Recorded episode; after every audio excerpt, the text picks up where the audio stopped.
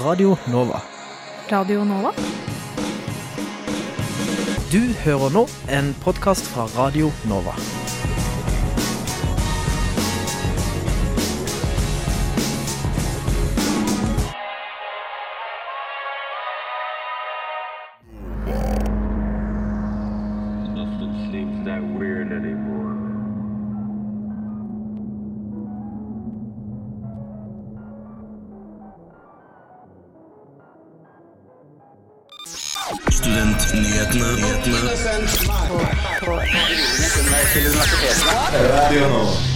Nordmenn kan nå laste ned førerkortet sitt på mobilen. Velkommen til Skrivenatt på Universitetsbiblioteket. Vi tar deg med. Gjestelistas leder Eskil Gausmel Berge betegner seg selv som en helt vanlig fyr, og vi tok en prat med han for å finne ut hvem han virkelig er. Husøkonom og driftsleder ved OsloMet avslører at studenter og lærere kaster mye avfall i feil bås. Velferdstinget delte denne mandagen ut støtte til studentforeninger. Hvem fikk mest og minst? TV-aksjonen nærmer seg med stormskritt, og vi har intervjuet studentkorpset for å høre hvorfor akkurat årets innsamling er viktig. Hei, hei, og hjertelig velkommen til Studentnyhetene her på Radio Nova. Hei, hei. Jeg heter Nora, og med meg har jeg Stig. Og sammen så skal vi guide dere gjennom den neste timen. Det skal vi. Da bare kjører vi på. Men aller først ukas nyhetsoppdatering.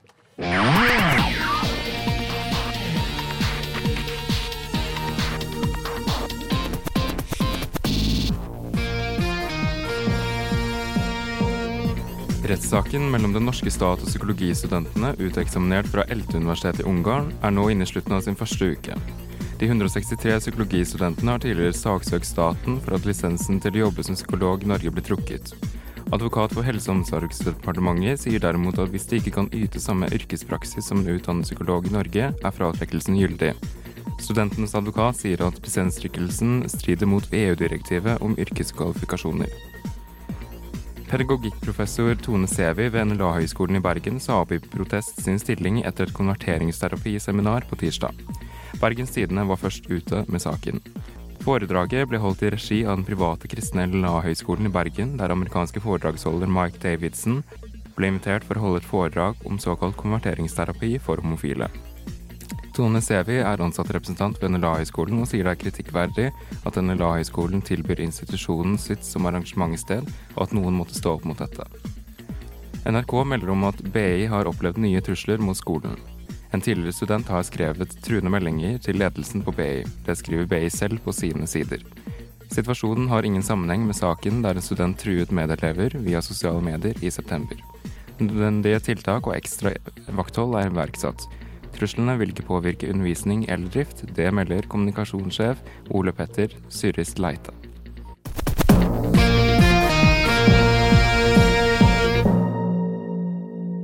Oktober ble det mulig for nordmenn å laste ned digitalt førerkort. Vi dro til Oslo Met for å høre hva studentene tenkte om dette. Tror du at du kommer til å legge plastkortet ditt hjemme når du kjører, etter at du har skaffet deg digitalt førerkort? Nei. Jeg tror det har sin faste plass i lommeboken. 1.10 ble det mulig for nordmenn å laste ned førerkortet sitt på mobilen. Det er flere land som utvikler digitale førerkort, men Norge er trolig det første landet i Europa som får til en løsning som alle får lasta ned. Det digitale førerkortet er gyldig dokumentasjon på dine førerrettigheter. Du trenger derfor ikke å ha med plastkortet i tillegg. Men det er viktig å være klar over at det digitale førerkortet kun er gyldig i Norge, og det er ikke gyldig legitimasjon til annet bruk enn kjøring. Jeg lurer på hva studenter på Oslo OsloMet tenker om et digitalt førerkort, og om de har hørt om nyheten. Har du førerkort? Det har jeg. Ja. Det har jeg. Har du fått med deg at det har blitt mulig å ha førerkortet sitt på mobilen? Ja, jeg så sånn reklame på Facebook. Det har jeg, og det har jeg lastet. Har du tenkt å skaffe deg førerkort på mobilen, eller digitalt førerkort? Ja, absolutt. Jeg har rota bort eh, førerkortet mitt for flere måneder siden, så jeg har jo kjørt uten. Hvis jeg har det på telefonen, så er det genialt. Nei, jeg tenkte at det var en eh, fin løsning, egentlig. Det er jo ikke alltid man eh, har med seg førerkortet. Da er det greit å kunne ha det på mobilen. Det er jo en fin løsning når du har glemt førerkortet hjemme, men det funker jo ikke til mer enn det, tror jeg. Jeg tror det blir lettere for folk å alltid ha med seg førerkortet når man kjører, hvis man bare har det på mobilen. Ja, det tror jeg, fordi nå folk på min alder i hvert fall har jo alltid med seg telefonen uansett. Ja, det er jeg absolutt enig i. Eh, man kan jo, Hvis man ikke har det, så kan man jo også laste det ned på stedet hvis man f.eks. blir stoppet i en kontroll. Det tror jeg. Absolutt. Tror du at du kommer til å legge plastkortet ditt hjemme når du kjører, etter at du har skaffa deg digitalt førerkort? Jeg tror at det aldri kommer til å dukke opp igjen. Nei. Jeg tror det har sin faste plass i lommeboken. Nei, det tror jeg ikke. Det ligger jo så fint i lommeboken, så, og det glemmer jeg jo ikke. Der hørte du tre studenter på OsloMet fortelle hva de synes om det digitale førerkortet. Reporter i saken var Anna Tørresen. To ganger i året arrangeres skrivenatt på Universitetsbiblioteket for alle UiO-studenter. I går var en av dem. Fra 17.00 får du alle tipsene du trenger for å skrive de beste tekstene. I dag er det skrivenatt Skrivenatt. på Universitetsbiblioteket. Det som skjer i kveld er en skrivenatt som organiseres to ganger i året. Det er da vi fra Akademisk skrivesenter og biblioteket som organiserer en kveld der det er foredrag og forskjellige arrangement knytta til skriving. da. Hvorfor vil du være med på skrivenatt? Det er jo fordi at jeg føler at jeg må forbedre skrivinga mi. da. Jeg har vel tendenser til å kanskje utsette sånne skriveting da, og sånne innleveringer og sånt. Og det tenker jeg kanskje er noe jeg burde gjøre noe med. da. Slags foredrag kan vi vente oss i kveld? Det er jo litt forskjellig. Så det er jo gjerne sånn at man skal få tips til skriving. Det, vi har noen som går på søk i database for å finne litteratur og den type ting. Hvordan man kan bruke f.eks. nettsiden som heter Søk og skriv, som vi bruker mye tips rundt det. Så det er litt forskjellig. I tillegg så har vi en X-Fill-workshop. Det er jo mange som har X-Fill nå på høsten, som vil ha hjelp til det. Og så avslutter vi også med yoga helt på slutten av kvelden. Så det er en hel aften. Jeg skjønner. Skal du være her helt til tolv? Eh, Jeg veit ikke helt om jeg har tid helt til tolv, men det blir vel i hvert fall et par timer. Så det er i hvert fall kanskje får noen nyttige innspill og kanskje får motivert meg litt da, til å sette meg ned for å skrive. Og dette hørtes jo bra ut. Håper jeg ser deg på neste skrivenatt. Skrivenatt. Ja, det blir bra neste gang det arrangeres. Reporter i saken var Nora Torgersen. Hver uke intervjuer vi studentpolitikere om hva de står for, og hvem de er. Denne uken er det klart for leder av gjestelista, Eskil Gausemel Berge. Da er jeg på vei til å møte Eskil fra gjestelista. På nettsiden så beskriver han seg selv som en helt vanlig gutt. Så vi får se da, hvor vanlig han egentlig er.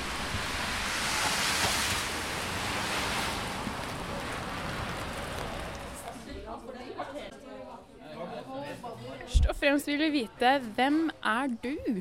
Jeg er eh, ja, en helt vanlig gutt. Vi er alle mennesker på denne planeten. Og fortell meg din, altså hvis du skulle planlagt din drømmedag, du kunne gjøre hva du ville fra morgen til kveld, hva hadde det vært? Da består det av at én, jeg spiser frokost Jeg sover lenge, spiser frokost, går ned til stranda. Der er det en hengekø mellom to palmer. Der legger jeg meg. Og så røyker jeg meg kanskje en liten luring. Tar en kald pils. Og så eh, drikker jeg et par pils senere etter det enn spiser god mat. Hva er det verste du har opplevd som listepolitiker? Blir det, når dere har møter, blir det ofte hett med diskusjoner? Beskriv et vanlig møte. Eh, Ja, tenker du med de andre listene? Ja. Nei, vi er jo protestpartiet, da. Eh, Så vi, vi bare lager ablegøyer, stort sett. Og dermed så De andre tar jo dette her ofte veldig seriøst, og vi tar det jo veldig useriøst. Dere tuller ofte litt på de møtene. Ja, ja vi er moro, morokvartalet, da. Gjengen med morofolk. Altså, vi, av og til så foreslår vi morsomme ting, da. Sånn som legalisering av cannabis, eller bare, Altså, det er morsomt, liksom. Det er, liksom da, da er det verdt å drive med studentpolitikk. Når du ser reaksjonen til andre og Hva er reaksjonen da? Nei, det er jo vantro, liksom. Og så er det noen som bare ikke forstår de, Det virker som de bare tror de er med på skjult kamera. Nei, de kan, nei, vi bare ler, vi. Altså, vi ler stort sett. Har det moro. Vi står for eh, kamp mot SIO. Vi har liksom laget en krig mot SIO, da. Så hvis vi er de gode, den snille siden i Ringenes herre, så er SIO den mørke siden, da. Så det er liksom sak nummer én. Og så sak nummer to er vel eh, bedre luft på Blindern. Og sak nummer tre er Ja, vi pleier å si eh, ja, Hva skal det være? Eh, det, vi har veldig lyst til å ha mer barer, da. Mer flyt av rusmidler, og gjerne på skybarer. Så det er en viktig sak for oss, selvfølgelig. Anbefaler du andre å være med i studentpolitikken? Eh, nei Egentlig ikke. Det er jævlig kjedelig. Det er dødskjedelig, liksom. Og det er veldig mange andre mennesker som er med i studentpolitikken som eh, tar det veldig seriøst. Så for de av oss, de fleste, da, som ikke har sånn utrolig engasjement for politikken uten å få gjennom noe, de, da tror jeg du bør styre unna studentpolitikken. Det, det er ikke så veldig interessant, på en måte. Så for de som ikke vil ta det så seriøst, men kanskje litt seriøst, kan bli med dere, da. Ja, eller det, altså, Vi er ferdig med gjestelista om et år, eller et halvt år, så det er bare å ta over gjestelista. Men det er nytt, altså, vi er en vennegjeng da, som har holdt på. Så det er, Søker nye medlemmer. Ja, ja. Hvis det er en vennegjeng som er keen på å ta over gjestelista, så er det bare å melde ifra på Facebook eller noe sånt. Hva har du lyst til å gjøre etter du er ferdig med gjestelista? Har du noen planer da? Jeg har drømt ut om å være trikkesjåfør, eller jeg syns det virker ålreit. Men kanskje bare én dag eller to i uka, da. Og så drive med noe annet de andre dagene. En dag som kokk, en dag som trikkesjåfør. Der hørte du Anna Sjona Øvrevik som intervjua Eskil Gausmel Berge. Studenter. Studenter. Studenter. Ordet student. Studenter. Trygge studenter lærer mer. Studentsamskipnad. Er for studenter. Studentbolig. For studentpub. Studentsaker. Studentnyhetene. Hver fredag fra 11 til 12 på Radio Nova. Mye avfall ved OsloMet havner i restavall fordi elever og lærere ikke er nøye nok med sorteringen. Husøkonom Marit Spicer og driftsleder Fredrik Knutsen Asp mener god kildesortering er veien til et grønnere universitet. Kildesorteringa vår det, det kommer jo av at vi vil bli grønnere. Marit Spicer er husøkonom ved Oslo Met og er dermed ansvarlig for all renhold av byggene. Når hun blir spurt om hvem som er ansvarlig for kildesorteringen, er svaret. Studentene har sitt ansvar for å sortere avfallet. Og så har vi rutiner for øh, hva byrået gjør når de skal samle opp skiten til oss. Men Oslo Met praktiserer ikke det samme kildesorteringssystemet som Oslo kommune. Vi begynte med blanke poser for at vi skulle se hva som er i de forskjellige avfallstypene. Jeg vet at byrået har gått til innkjøp av blå poser til plast. Det er ikke nødvendig, for det at det, de koster ekstra. Og hvis avfall blir kastet i feil bås Da går det i restavfall. Fredrik Knutsen Asp er driftsleder på Oslo Met. Han mener kildesortering handler om holdninger. Dette har mye med holdninger å gjøre, og det gjelder jo ikke bare studenter, men det gjelder også egne ansatte. I forhold til at eh, jo bedre vi er til å sortere både som ansatt og som student, så vil det hjelpe renholderen. Hvor nøye er egentlig renholdsarbeiderne? Prosentvisen av det vi skulle ha hatt f.eks. i plast, er lav. Okay? Hvor, hvor ligger feil? Ligger det hos renholderen, som ikke gidder å sortere, eller ligger det hos brukeren, som ikke gidder å sortere? Noen studenter liksom sa hvorfor skal vi sortere når renholderen bare blander? Det handler jo om det at når renholderen går i plasten og finner bananskall eller you name it som ikke er plast, vel, så er det restavfall. Jeg kan si så mye om at à 2017 og 2018 eh, så gikk vi da fra utsorteringsgrad her på 47% i 2017 til 2018 til å gå opp til 53 Marits beste tips for kildesortering lyder slik. Har, har du noen ting som du ikke vet hvor du skal gjøre, så putt det i restavfallet. Det er bedre det. Selv om kildesorteringa ikke er perfekt, har studenter og lærere blitt flinkere. Fra vi begynte med det her, så, så syns jeg studentene har blitt mye, mye flinkere. Likevel slår Universitetet i Oslo, Oslo Met, De er nok litt flinkere enn oss på utsorteringsgraden, men, men eh, vi, skal, vi skal slå de, vi. Målet om kildesortering på Oslo Met er klart. Målet er jo at vi skal øke utsorteringsgraden, og helst slå universitetet, men det På på sikt, ja. På sikt. Der hørte du Linnea Celine Søgaard prate med Marit Spicer og Fredrik Knutsen Asp. Mandag denne uken samlet representantene i Velferdstinget i Oslo og Akershus seg til sitt årlige tildelingsmøte. Der delte de ut støtte til studentforeningene for neste år. Men hvem fikk mest, og hvem kom best ut? Så skal vi gå til eh, saken tildelinger. Denne uken var Velferdstingets årlige tildelingsmøte, der representantene i VT tok stilling til hvor mye penger de ulike studentregningene skulle få i støtte i for 2020. Diskusjonen gikk eh, rimelig rolig for seg, men enkelte representanter gikk hardt ut mot universitas. Vi diskuterer jo miljø hele tiden, og da er spørsmålet trenger man virkelig alle disse avisene? All dette trikkeriet, alle disse trærne som går til spille, kunne heller ha omforma CO2 til oksygen. Bare sier det. Er det ikke viktigere Altså, Universitas gir ut mange artikler allerede på nett. De som er interessert i å lese disse artiklene, gjør det vel som oftest på nett. De sitter med mobilen hele tiden. Er det da nødvendig å printe dem ut på papir? Jeg bare spør. I forhold til vedtatt beløp gikk det hardt utover studentmidlene. Universitas fikk tildelt 2,9 millioner, et kutt på 400 000 i forhold til søkt beløp. Den BI-tilknyttede studentavisen Inside fikk ikke det eneste krone, og dermed kutt på 310 000 kroner. Den UiO-tilknyttede tidsskriftet Argument fikk 320 000 kroner, og dermed et kutt på 160 000 i forhold til søkt beløp. Radionova endte med til slutt med to millioner, og dermed et kutt på 150 000 i forhold, til søkt beløp. Studentforeningen som denne gangen fikk minst kutt, ble Foreningen juridisk rådgivende for kvinner, som fikk det de søkte om, en tildeling på 250 000 kroner. Jussbuss, som også driver med juridisk rådgivning, endte med 280 000 fra VT, noe som er 20 000 mindre enn det de søkte om. Velferdstingets kulturstyre, som gir støtte til studentforeninger, endte med å få 2 718 000, og 18 000 mer enn det de søkte om. Ja. Uh, de som da ønsker å vedta denne tildelingen, kan vise hva vi stemmet her når det stemmes. Kontra. Ja, og den tildelingen er vedtatt. Gratulerer. Under debatten ble Universitas trykte aviser sett i sammenheng med den brennende regnskogen i Amazonas og klimaendringer. Som følge av kuttet til Universitas vil de måtte redusere i antall utgivelser for å spare inn beløpet neste år. Velferdstinget hadde totalt 15,6 millioner å fordele til studentforeninger. Pengene kommer fra semesteravgiften. Velferdstinget vedtok å beholde 3,4 millioner til drift av seg selv i 2020. Reporter i saken var Ingar Jakob Feiring. TV-aksjonen er en årlig innsamlingsaksjon og verdens største, som foregår i hele Norge én søndag i året. Vi tok en prat med Kristine Therese Lervik Hansen fra TV-aksjonen Studentkorpset for å fortelle oss litt mer om TV-aksjonen og hva pengene går til i år. TV-aksjonen er om ikke lenge. Faktisk går den av sabelen på søndag den 20. oktober mellom 16 til 18. Jeg står her nå med Kristine fra TV-aksjonen Studentkorpset. Kan du fortelle meg litt om hva Studentkorpset er?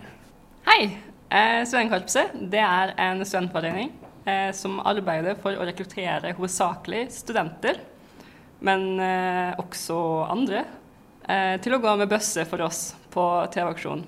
Eh, hovedmålet til studentkorpset det er å rekruttere mest mulig folk, slik at vi kan hjelpe Oslo med å nå full bøssebæredekning. Hva samler bøssebærerne inn penger til i år? I år så går pengene til CARE. CARE er en organisasjon som arbeider for kvinners rettigheter i utviklingsland.